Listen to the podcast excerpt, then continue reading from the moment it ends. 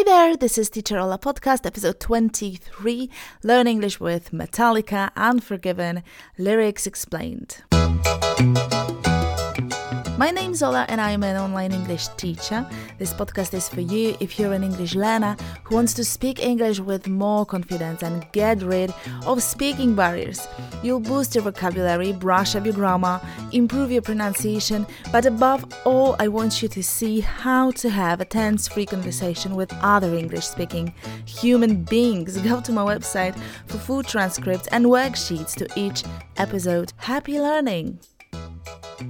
I'm thrilled you decided to take this time to expand your vocabulary and practice some speaking. I hope you learn a lot today. Please don't stay quiet. Repeat the sentences out loud. Speak to yourself. Hear yourself speak in English.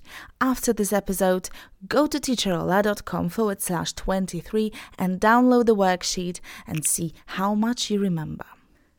Today we're analyzing the lyrics of the song by Metallica Unforgiven, released in 1991. Do I listen to Metallica? Well, not anymore, but yes, in good old days, I mean in junior high school, I did listen to this band. This song is about the songwriter James Hetfield's childhood and his mother who died from cancer. Since his extremely religious parents did not believe in science and trusted God to heal her, um, they did not take her to the hospital to give her the proper treatment. As James said in an interview, personal wounds are a great thing to write about. This is a complicated song with a deeper meaning, the kind I like to pick to these episodes. Shall we begin? Let's do so. I'm going to read out the lyrics line by line and ask you to repeat each line after me. New blood joins this earth, and quickly he's subdued. Through constant pain, disgrace, the young boy learns their rules.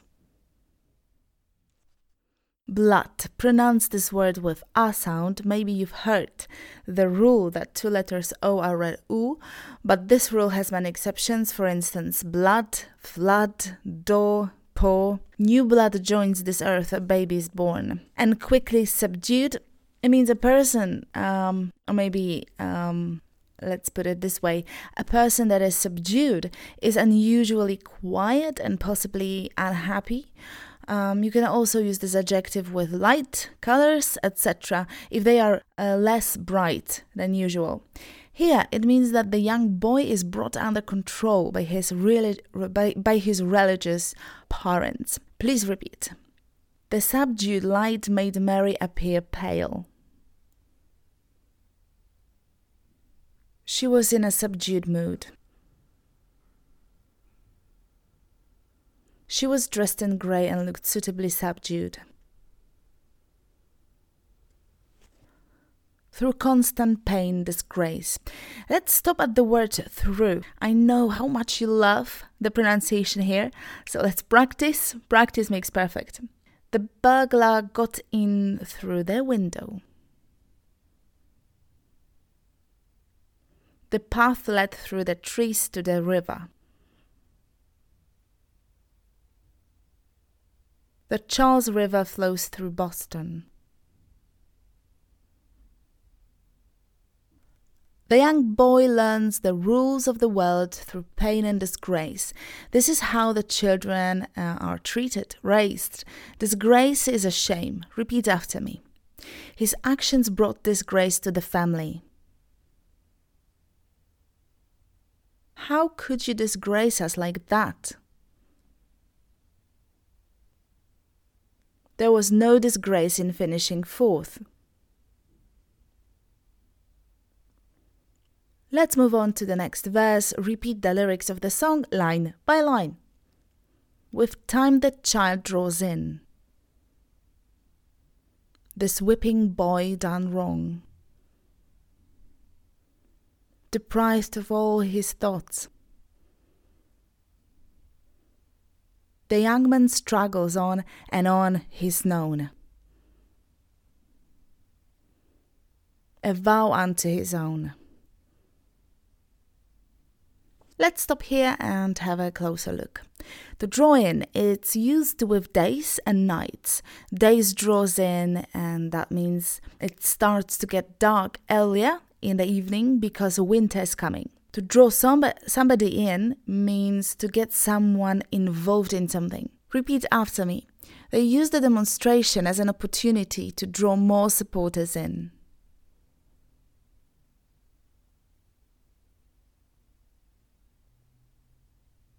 They use the demonstration as an opportunity to draw more supporters in.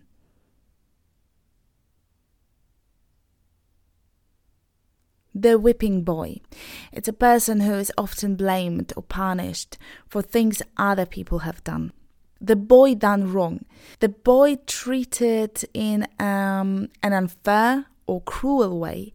Let's practice just one sentence. He wanted revenge on those who had done him wrong. To deprive of, to prevent somebody from having or doing something, especially something important. Examples Why do you deprive yourself of such simple pleasures?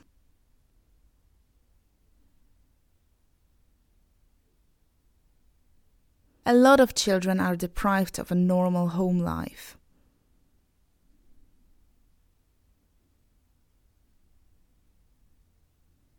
To struggle, to try very hard, to do something when it is difficult or when there are a lot of problems. I think he, the young boy, tries to fight back. Let's repeat out loud. They struggle just to pay their bills. He struggled for 10 years to achieve success as an actor.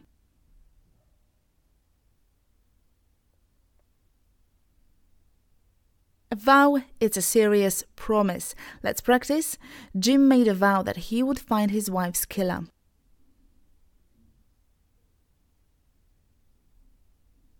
Nothing will persuade me to break this vow. The monks take a vow of silence. Coming back to song lyrics, the young boy takes a vow. Let's see what vow. Repeat after me. That never from this day his will they'll take away. What I've felt, what I've known, never shine through in what I've shown. Never be, never see won't see what might have been. Never free, never me, so I dub thee unforgiven. His will they'll take away. Will is what someone wants to happen in a particular situation. He promises his will won't be taken away from him. He promises himself that he will always have his own free mind a little practice. He claims that the police forced him to sign a confession against his will.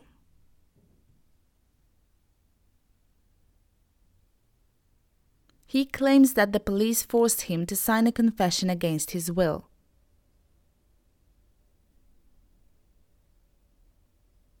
He lacked the will to resist. What I felt, what I've known, present perfect tense, he talks about his life experience, and this is why he chose present perfect. Never shine through in what I've shown. If someone shines, or if something, if something shines through, you can see it easily because it, uh, because of his parents, he could never really do his best. For example, what shines through in all her work is her enthusiasm for life.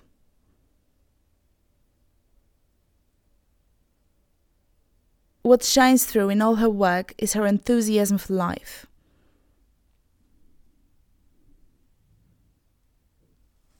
Won't see what might have been. Won't see, will not see what might have been.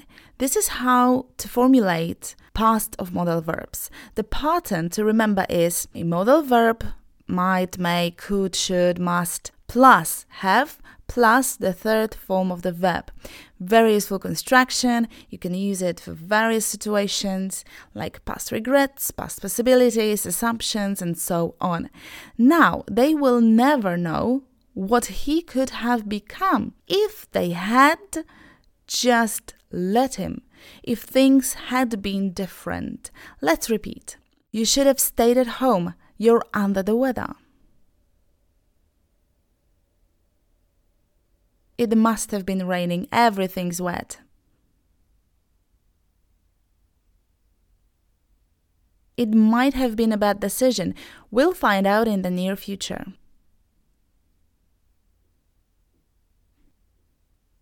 So I dub thee unforgiven. To dub means to give something or someone a name that describes them in some way. To label, in other words, to name. He labels his parents as the unforgiven, since he will never be able to forgive them for how they brainwashed him, took away his dreams, and for the fact that his mother died, and it might have been avoided. Um, he dubs thee, and thee is a word meaning you used when talking to only one person who is the subject of the verb. It's often used in the Bible, for example. It's old use. Let's go through the next verse. They dedicate their lives to running all of his. He tries to please them all. This bitter man he is. Okay, all they care about is that he turns out the way they want him to. To run something means to organize or be in charge of an activity or business, organization or country or somebody's life, like in this lyrics. Repeat, please. She runs a restaurant in Boston. The hotel is well run and extremely popular. Many people don't care who runs the country. To please someone, to make someone happy or satisfied. She's hard to please. Everything has to be perfect.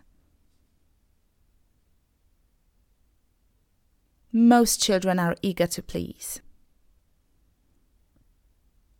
a bitter person, a person who who is feeling angry, jealous and upset because he or she thinks they have been treated unfairly.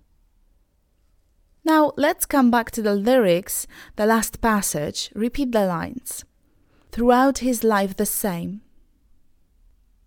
He's battled constantly. This fight he cannot win. A tired man they see no longer cares. The old man then prepares to die regretfully. That old man here is me. You labeled me. I labeled you. To battle, to try very hard to achieve something difficult or to deal with something unpleasant or dangerous. Repeat the example sentences. Both teams battled hard. The two sides will battle it out in the final next week.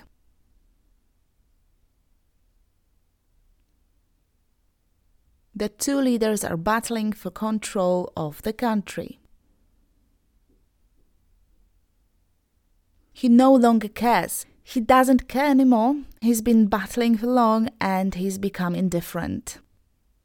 Regretfully, feeling sad because you do not want to do what you are doing. Also, used to talk about a situation that you wish was different or that you are sorry about. Sentences?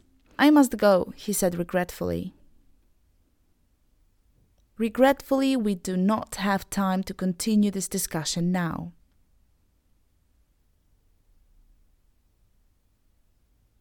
Regretfully, she was forced to close the business. How depressing was that? Well, difficult feelings are necessary. If you feel sad or angry, if you felt sad angry during this episode, it may actually help you remember the phrases better. Thanks to those emotions, your brain is more engaged and prone to remember more. Do you listen to Metallica? Did you used to do it in the past?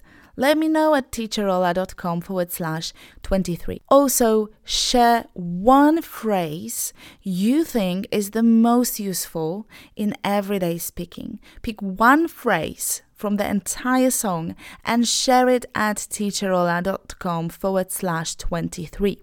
Go there to grab a worksheet as well as um, a free transcript. If you'd like to hear more episodes like this, please subscribe and tell your friends about it. Next episode is all about grammar. We'll look at the very useful structure used to. I see it's a bit confusing for many learners, so we'll clear that up. Please make sure to subscribe and do not miss it. We'll get in touch really soon. Thank you so much for listening, and till next time, happy learning. Bye bye.